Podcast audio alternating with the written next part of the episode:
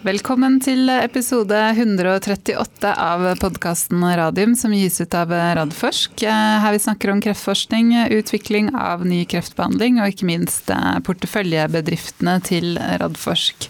Dagens episode heter 'Oppsummering sommeren 2020', og det er 11. august. Velkommen i studio, Jonas Einarsson. Takk skal du ha, Elisabeth. Stakkars Jonas hadde tatt feil av tiden, så nå har han lekt rallysjåfør gjennom Oslos eh, gater. Eh, ikke så mye rally. men ny, med en, ny, bil fra i går som hadde kjørt fire kilometer, så ah, okay. gikk det relativt langsomt. Ja, men vi, vi, er på plass. Det er på plass. Um, jeg tenkte vi eh, skulle si litt eh, kort om sommeren utenom selskapene våre først. Eh, det er litt pussig, fordi denne uken her er vi alltid et annet sted i landet, nemlig Arendal. Ja. Det er vi ikke i år. Nei, det er ganske annerledes å sitte ja. her nå enn å, enn, enn å, gå rundt i mylderet nede i pollen i Arendal. Det er helt sikkert. Ja. For da er det jo liksom den store politiske, hva skal man kalle det for noe, sammenkomsten? Jeg setter jo gjerne agendaen spesielt i, i valgår, ja. men også i mellomår så setter det agendaen for hva er det som blir på en måte hotspoten innenfor politikk og ikke minst innenfor vår sektor, innenfor helse, mm. for resten av det året. Så det er liksom litt mer sånn annerledes nå i form av at det, hva er det vi egentlig er mest opptatt av når det gjelder spesielt utviklingen innenfor vår sektor, men da skrur jo fokuset seg over på, på pandemien med en gang. og det er, liksom, det er det som dominerer. Ja. Eh, og det har jo holdt på å si de siste dagene dominert eh, mer enn på lenge. Ja, dessverre. Eh, nå er det jo eh, Bare kikka så vidt på, på, nettavisene før vi gikk inn i studio. ikke sant? Det er masse diskusjoner om disse fadderukene. Indre Østfold har liksom stengt ned. Um, jeg vet, jeg har, jeg har, hytte der. Du har hytte der, så det er egentlig nedstengt. Um, I det hele tatt så er det ikke sant, og det har vært snakk om munnbind, ikke munnbind uh, på offentlig transport. Så det, jeg føler liksom nå at vi er litt sånn tilbake til der vi var uh, i mars? Ja, men jeg tror også det. For vi, vi, hadde jo disse forskjellige teoriene om hvordan man skulle jobbe med, med denne her. Og så hadde vi denne, denne, ene teorien som kanskje ikke var så veldig vitenskapelig godt dokumentert som vi trodde, men som allikevel viser at har veldig mye for seg. Denne såkalte hammer and dance. Mm. For vi brukte jo hammeren. Ja. Og så har vi dansa en stund nå. Ikke og så sant? har vi dansa ganske med god, god meters avstand og, mm. og, oppført oss. Og så har vi liksom plutselig glemt at denne dansen her, det er ikke pardans. Uh, og det er spesielt da unge, unge voksne. Jeg synes det er viktig å si det, fordi det er ikke å skylde på ungdommen sånn at det er liksom ungdommene mens vi voksne ikke oppfører oss. Det er unge voksne viser at det er sånn 25-30-35-årsalderen, mm. hvor man liksom da har gitt litt mer bengen i, i, disse reglene. Og da ser vi hva som skjer. Og Indre Østfold er et godt eksempel på det. Og Der er det bare fram med storslegga, hamre til, til igjen. Mm. Vi får ikke lov til å, besøke hverandre. Nei. Vi som bor på samme hyttefelt, det er ikke lov til å gå inn der. Eh, vi, vi kjører bare tvers igjennom eh, bygda og stopper ikke for å handle eller fylle bensin eller noe, noe sånt. Og, og vi har jo sett det der ute. Blant annet så har de en sånn litt lokalt, da, men de har sånne, et vann der ute hvor de har sånne partyflåter. Eh, som, som, seiler rundt på en innsjø og med, med, høy musikk. og så kan man jo, Gammel mann kan irritere seg over musikken, men det var ikke det. Det var det at det var en 20-30 stykker. Som sto tett i tett. Tett i tett og med relativt mye alkohol. Ja. Eh, og Det er bare ett eksempel. og det er liksom også en, Jeg så en Twitter tidligere i dag en som hadde tatt bilde av studentene i eh, Trondheim, mm. Eh, som da satt ute. Mm. Men de satt jo 30-40 stykker oppå hverandre ute, og det hjelper liksom ikke helt. Så vi er, vi er, der nå at vi må innfinne oss med at dette Vi må danse ja. på riktig måte videre. Uh, og i hvert fall definitivt eh, altså roe ned. Jeg ja. bare tenker at den åpningen, både det at man på en måte har sagt at uh, det er greit å dra til Syden, eller andre, altså, så lenge det har vært det grønne land, og så plutselig skjedde dette med Spania, at det plutselig ble rødt. Altså, jeg, jeg føler på en måte at vi har tillatt litt mye, uten å egentlig tenke over konsekvensene av det. Altså Hurtigruta er jo et ja. skrekkeksempel. Ja, jo på dårlig skjønn. På dårlig skjønn og dårlig oppfølging, og ikke, ikke følge sant? reglene. Ja.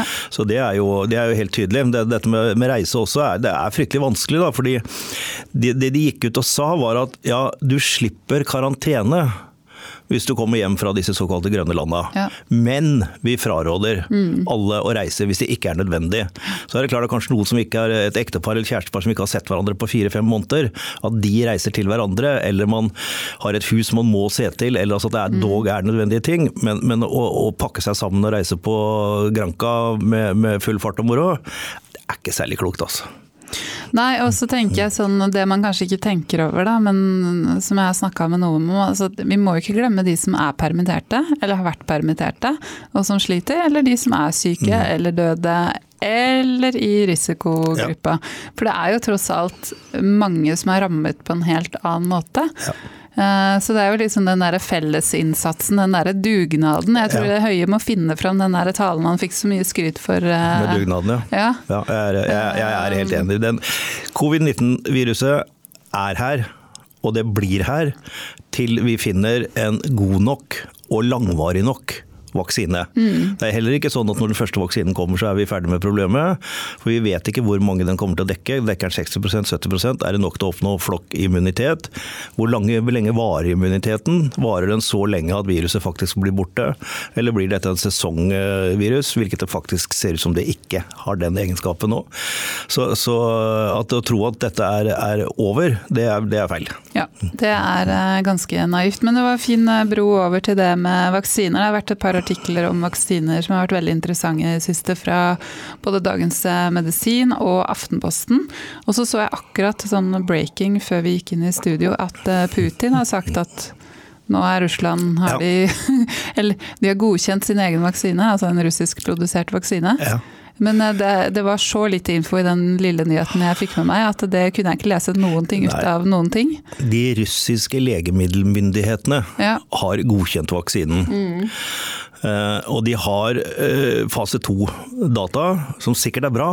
Både på sikkerhet og, og immunitet. Eh, Det vi ikke vet noen ting om, er de mer sjeldne bivirkningene. For det får du ikke fram når du tester så lite. Og Det er da eksempelet tilbake til svineinfluensaen. Hvor vi ikke testa store nok kohorter før vi starta med det. Og i ettertid har vi sett at jo, det var en overhyppighet av narkolepsi blant de som, eh, som spesielt unge som fikk eh, den vaksinen. Så den risikoen tar vi nå. Og det at russiske legemyndigheter det er Putin. Har sagt at denne skal godkjennes. Ja. Så kan det gå bra, men det er en gambling. Så, så, sånn at den er bare testa ut i fase to, og så har de godkjent den. Så vidt meg bekjent så er det Ja. kun fase to-data. For at de har, tror de kanskje har gått inn i en fase tre med den. Det kan du sammenligne med oss når vi utvikler kreftlegemidler. Ja. Vi, vi, vi, vi sender jo det ut på markedet etter fase 1B, fase 2-studier. Det har jo skjedd med flere av immunterapimedisinene f.eks. Men det er fordi at vi er da så sikre på at denne faktisk redder liv direkte, at det blir uetisk å kjøre lange og store fase 3-studier før pasientene får tilgang til den. Så kjører man fase tre-studier allikevel for å samle disse dataene, og hvis man da oppdager oi, det her er det bivirkninger vi ikke visste om, så kanskje man til og med trekker det tilbake. Men, men her velger man altså på en vaksine å gjøre det samme. Det har aldri vært gjort før. Det kan vise seg å være et genitrekk, hvis den faktisk fungerer, og du ser at det stopper opp i, i Russland. Men det er, en, det er en risiko, det er en helserisiko, og en kalkulert risiko som de, de da tydeligvis tar, men som den vestlige verden ikke kommer til å gjøre. Eh, Så vidt jeg så nå, så er det vel faktisk hele seks vaksiner som er i gang i fase tre. Ja, det er riktig. Så det er eh, Og jeg tenker sånn, det er jo veldig godt. Det er veldig, veldig bra, og, og de, de eh, tester jo de ut i bl.a. USA og Brasil, selvfølgelig i de stedene hvor det er masse tilgang på pasienter og, Ja. og store utbrudd.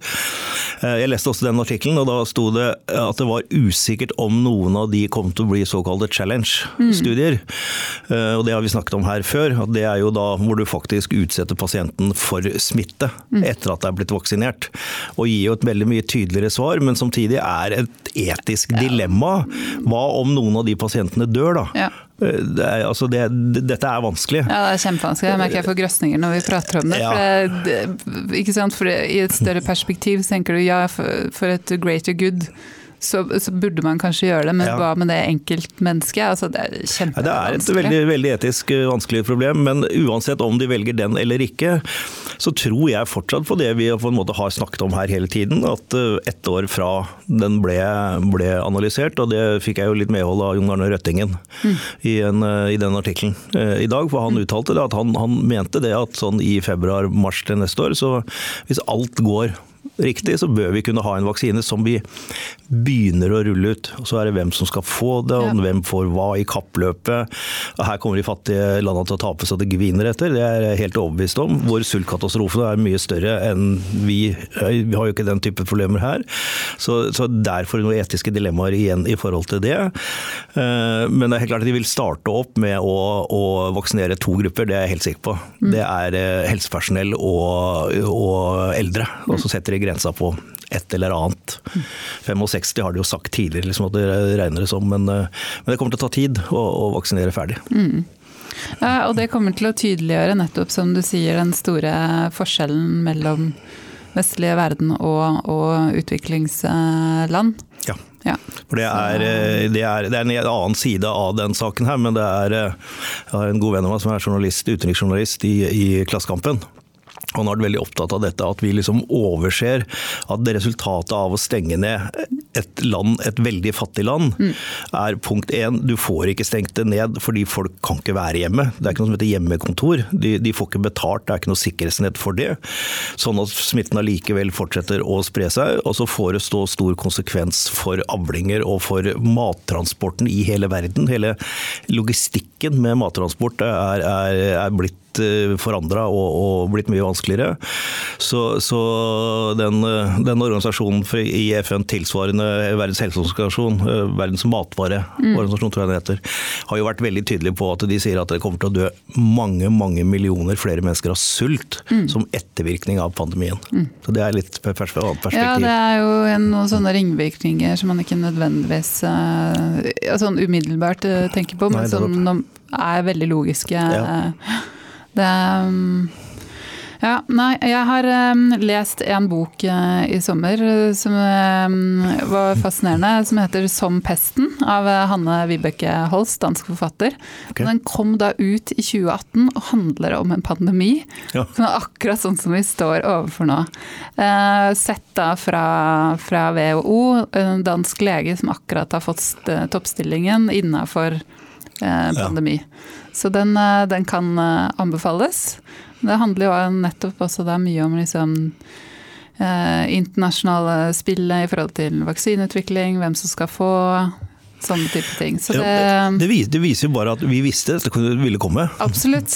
Alle, alle visste det. Ja. Jeg så den, faktisk den, den, forut, den, forutseende talen til George Bush, som kanskje ikke var min yndlingspresident, for mange år siden, som sier at vi vet det kommer en pandemi, vi er ikke forberedt. Mm. Vi må være forberedt på den. Og så var vi null forberedt. Mm. Så la den forhåpentligvis bli en lærepenge for oss alle. Ja. Så hold avstand, vask hender og ta antibac. Ja. Jeg glemte faktisk å ta med munnbind i dag, for jeg tar jo litt eh, kollektivtransport. Så det, det skal jeg ikke gjøre i morgen.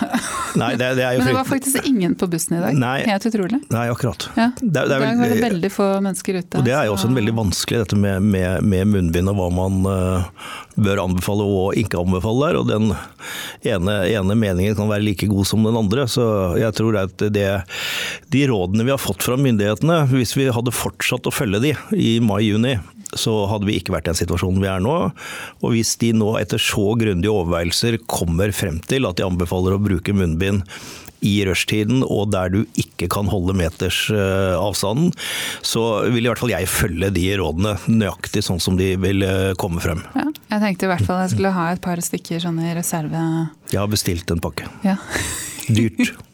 Dyrt, ja. ja, ja. Nei, jeg har, jeg har, kjøpt, så jeg har det hjemme. Jeg bare glemte å ta det med meg. Um, ja, det er ståa. Og jeg tenker sånn eh, Jeg føler litt sånn at eh, når jeg sier at vi er tilbake til mars Jeg, jeg tror ikke jeg er så redd for at vi kommer til å stenge det på den samme måten, men jeg føler at vi er litt i den der fasen hvor, hvor du, får de der um, Det kommer nyheter hele tiden nå. Ja. Så det er litt sånn der vanskelig å, å, følge med og sånt nå. Det er litt sånn hektisk periode hvor man merker at man blir litt sånn uh, nervøs igjen. Um, men vi har mange spennende porteføljeselskaper. Ja. Og det har skjedd mye i sommer òg, så nå tenker jeg at vi skal la korona være korona. Ja. Og så tar vi en gjennomgang av hva som har skjedd gjennom sommeren. Jeg tror vi må begynne der vi slutta, med PCI Biotech. Ja. Var du overraska da de meldte at eh, de nå har eh, utsatt evalueringen eh, sammen med AstraZeneca, som er da det alle venter på, en potensiell avtale med seks måneder? Ja. ja. Jeg, den, den, så jeg ikke komme. Nei. Uh, og, og jeg har selvfølgelig som alle andre spekulert i, i, hva som skjer her. Nå vet jeg jo at når man er i dialog med Big Pharma-selskaper, så skjer det ting plutselig. Vi var eh, i, dialog med et uh, selskap for en del år siden uh, om en avtale, uh, og var kommet veldig langt. Det var en sånn forskningssamarbeidsavtale med Oslo universitetssykehus mer enn med industrien. Den skulle vi koble på senere. Og alt var egentlig planlagt og i orden, og så bare får vi beskjed nei, det er lagt inn et bud på det selskapet. Ja, det var et annet kjempestort internasjonalt selskap som kjøpte det. Da var det bare stopp ingen forhandlinger videre, for da skal alt revideres og, og se hvilke områder vi skal satse på.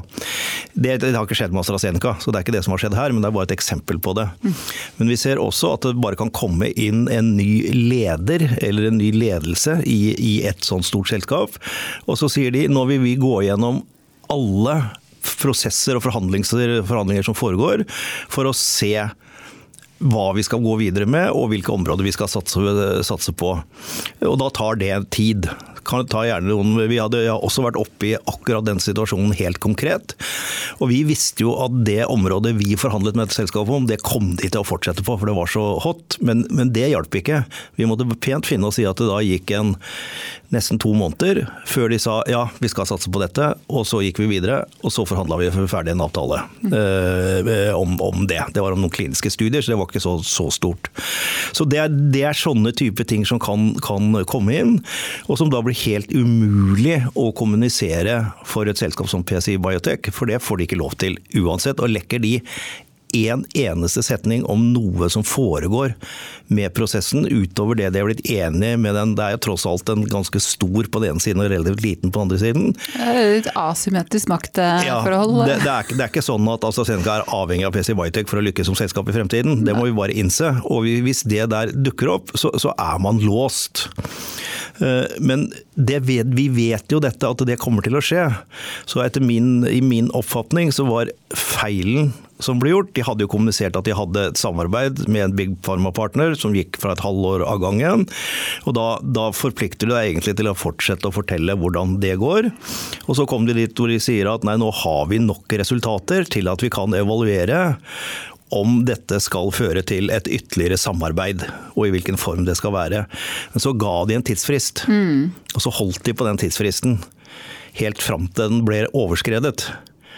Og så jeg har jo for så vidt lært av det da, når de sier et halvt år, for den kan komme i morgen. Ja. For all del. Det er ikke sånn at den nødvendigvis kommer i desember. Men det er, viser bare hvor farlig det er å guide på eksakte datoer innenfor denne sektoren. For det er så mye som påvirker det. Mm. Da kan ikke jeg sitte her som et orakel og si hvordan de skulle ha sagt det, men, men eh, jeg tror det hadde vært klokere å si at vi nå Vært mye vagere og sagt ja. at nå skal vi gå videre, ikke med det prekliniske forskningssamarbeidet. Det avsluttes nå om seks uker, tror jeg det var de sa da. Mm. Og så skal vi evaluere og vurdere, men vi kan ikke gi noe guiding på tid. For da hadde vi sluppet disse forventning- og skuffelseskursene opp og ned. Så, så ja, jeg ble nok litt, eh, litt, litt overraska, og, og, og, er vel der nå at jeg tenker at uh, det er ingen som kommer til å si noen ting om noen ting før de sier enten det ble ikke noe, eller det ble dette. Mm. Så det å spekulere i hva og se hva AstraZeneca eventuelt skal fokusere på i fremtiden og sånn, for meg så blir det litt mye bortkasta energi. Ja, nå får man heller vente og se hva resultatet blir. Eh, men det som er litt spennende, er jo at eh, PCI skal ha sin halvårspresentasjon allerede 26.8. Ja. Og de, altså, dette er jo et selskap som har en tradisjon for å slippe nyheter ofte på sine presentasjoner. Nå skal ikke jeg bli beskyldt for å bygge opp noen forventninger her, her, igjen, så det vil jeg helst ikke kommentere. Men, Nei, men jo, historisk de, sett så er, er, det for så vidt riktig. Det. så vi, riktig. vi, kan jo si det at uh, vi får uh, Per og Ronny i studio den dagen. Ja, og det er veldig, ja. veldig hyggelig. Jeg er, jeg er mest, det, kommer når det kommer, det der. Ja. Uh, men jeg er spent på hvordan det går med Fimakem og rekruttering og sites. Ja. For det er liksom den vi har satsa mye av pengene våre på. Da. At mm. vi skal få gode resultater av den. Den har liksom gått litt i, i glemmeboka i ja. denne diskusjonen. Men uh, fremdrift i, i, pivotale kliniske studier, det er alfa og omega for den type bedrifter. Så det er jeg spent på. Ja. Det blir, det blir, en spennende halvårspresentasjon, ja, det det. og det kommer til å komme noen art, artige spørsmål. Kommer sikkert noen spørsmål, ja. ja. Det er bare hyggelig. Um, det, det, er jo sånn det er. Um, over til uh, annet uh, selskap som er i sin registreringsstudie, Nordic Nanovektor. De har jo da gjennomført denne interimanalysen, eller det vil si det er jo en uavhengig komité yeah. som har gjennomført interimanalyse. Vil si at de går inn og ser på de kliniske dataene, mm. rett og slett. Som da selvfølgelig ikke selskapene eller selskapet ser på. Og de går jo inn da og klart anbefaler at man skal gå videre med den ene doseringen på 15 ja Sier jeg det riktig? Megabecquerel per Ja. ja. Per et eller annet, jeg husker aldri. Per kilo, ja. Per jeg notert meg. Ja, og ikke 20. Ja.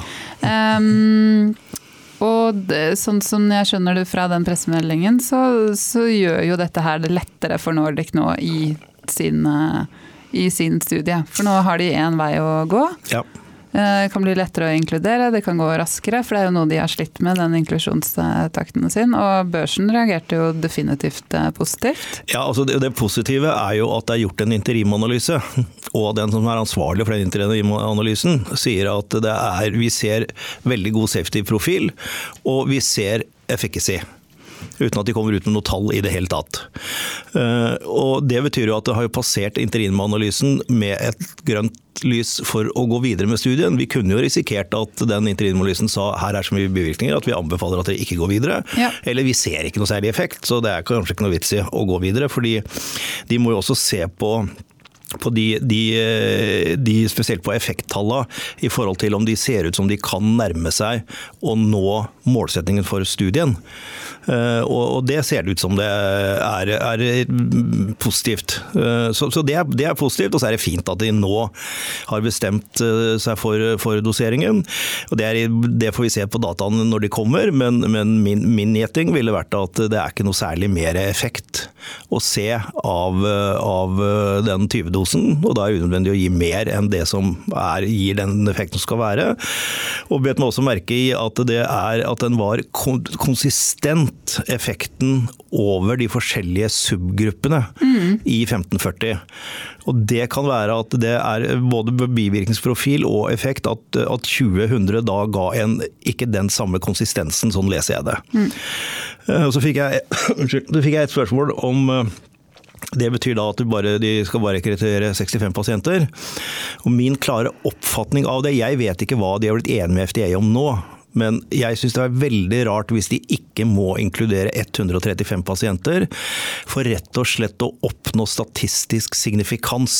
Mm. For å få statistisk signifikans på 65 pasienter, da skal du liksom ha, ha at de fleste pasienter dør kjapt i den uh, armen som ikke får noe i motsetning til, til, de som får.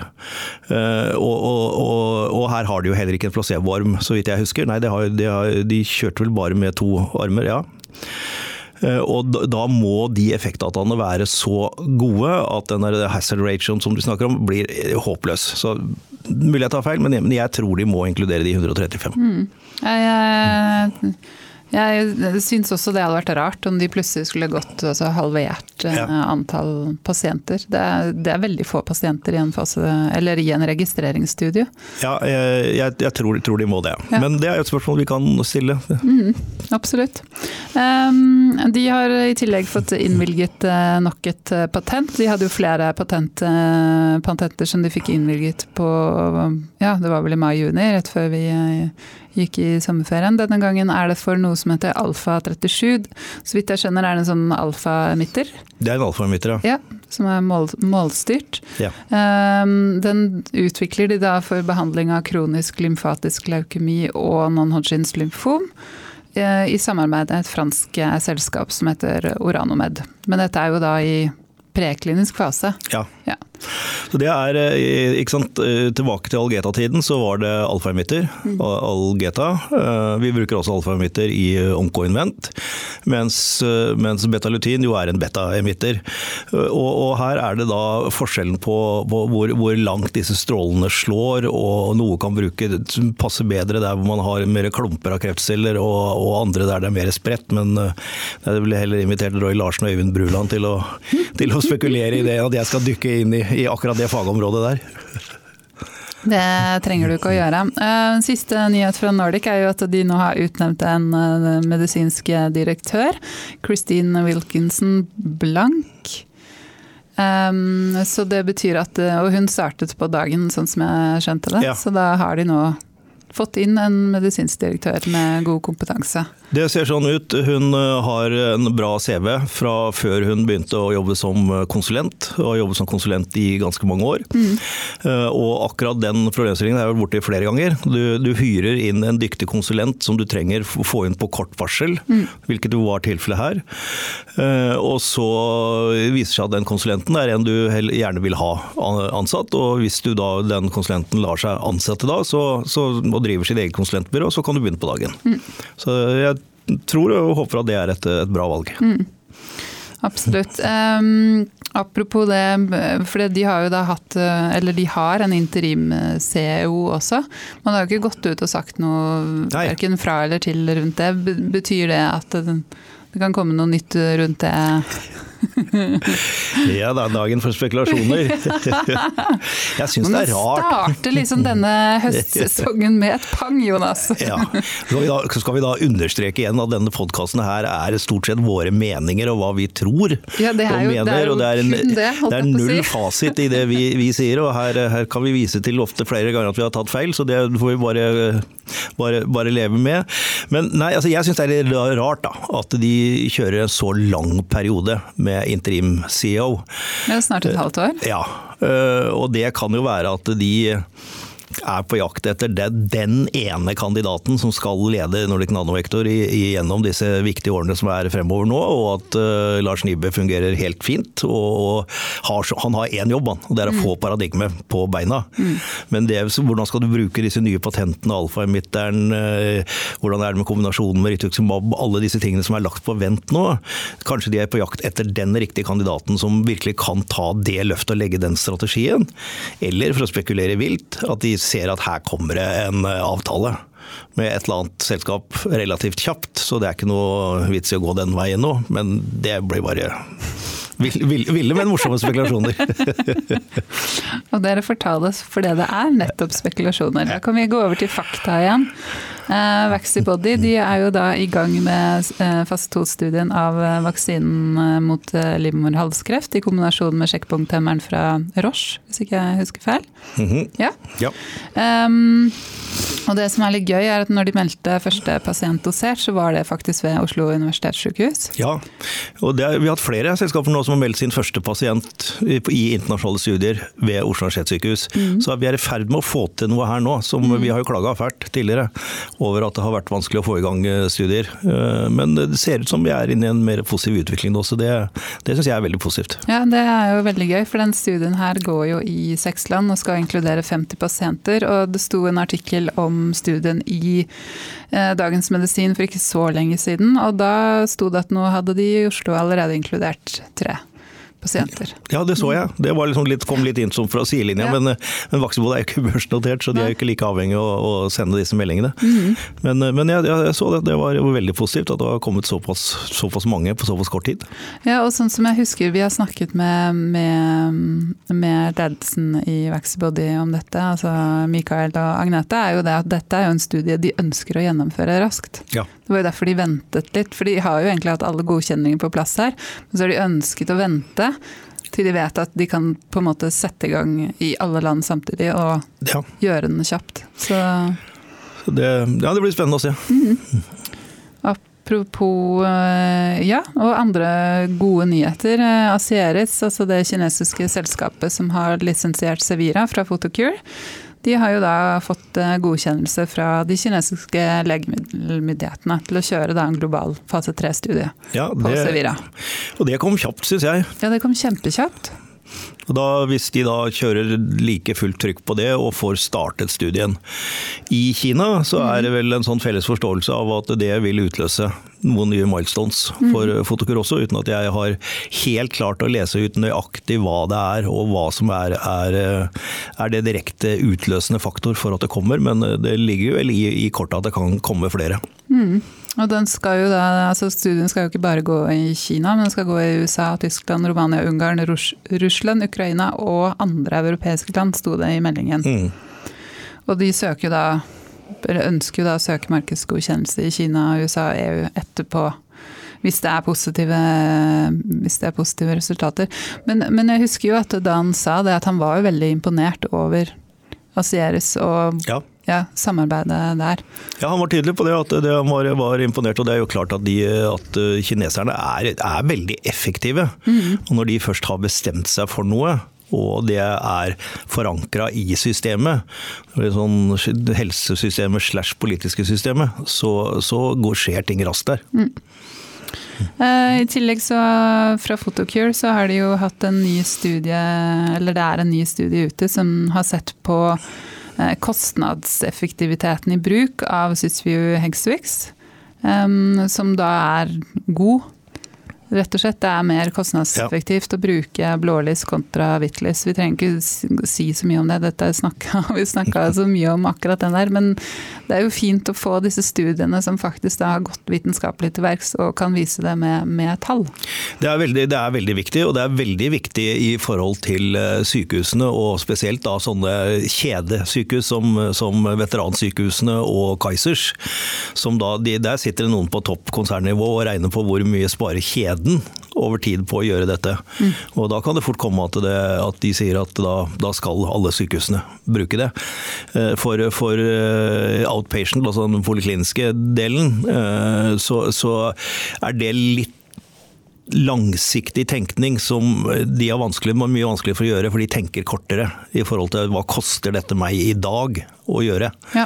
Men, men, for sykehusene ja, så, så, kan dette være viktig. Og det er jo en altså det, Dette med pris er jo også dynamisk.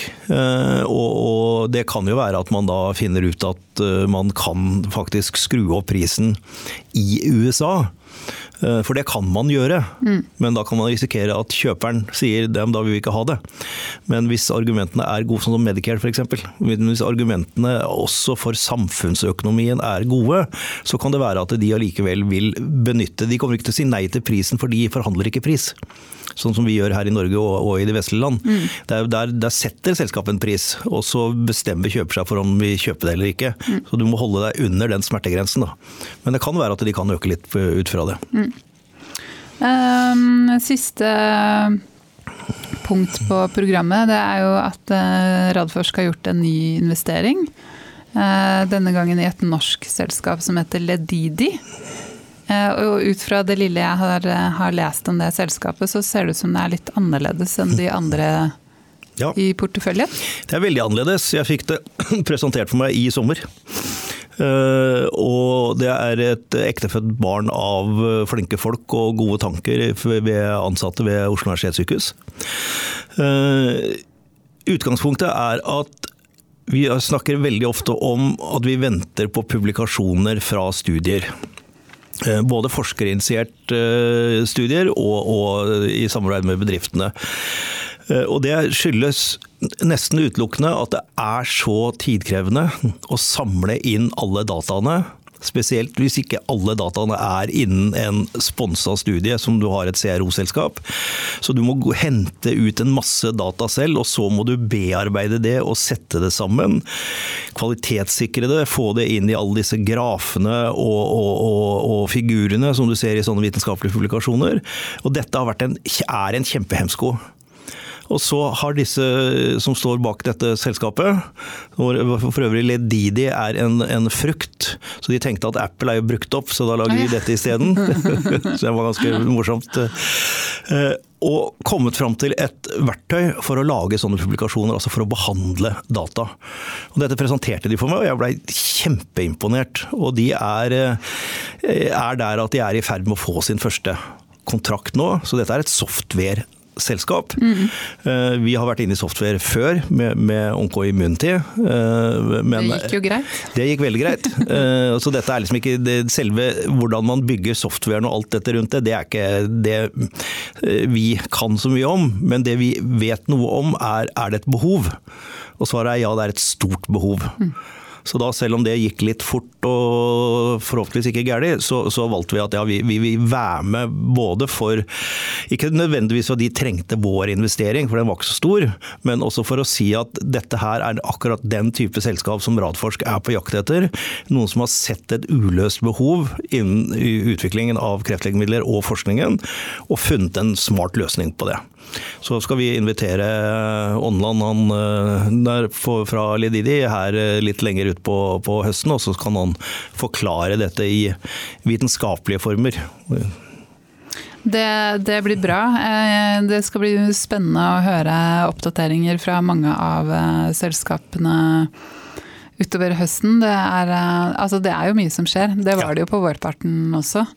Um, så det er jo en veldig sånn, spennende fase de, de, fleste er i nå. Vi venter på masse spennende data nå utover fra flere mm. av selskapene.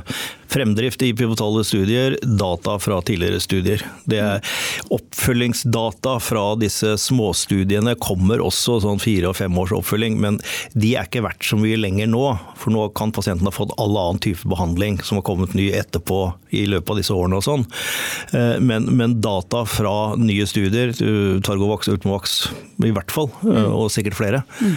det blir spennende å se. Ja.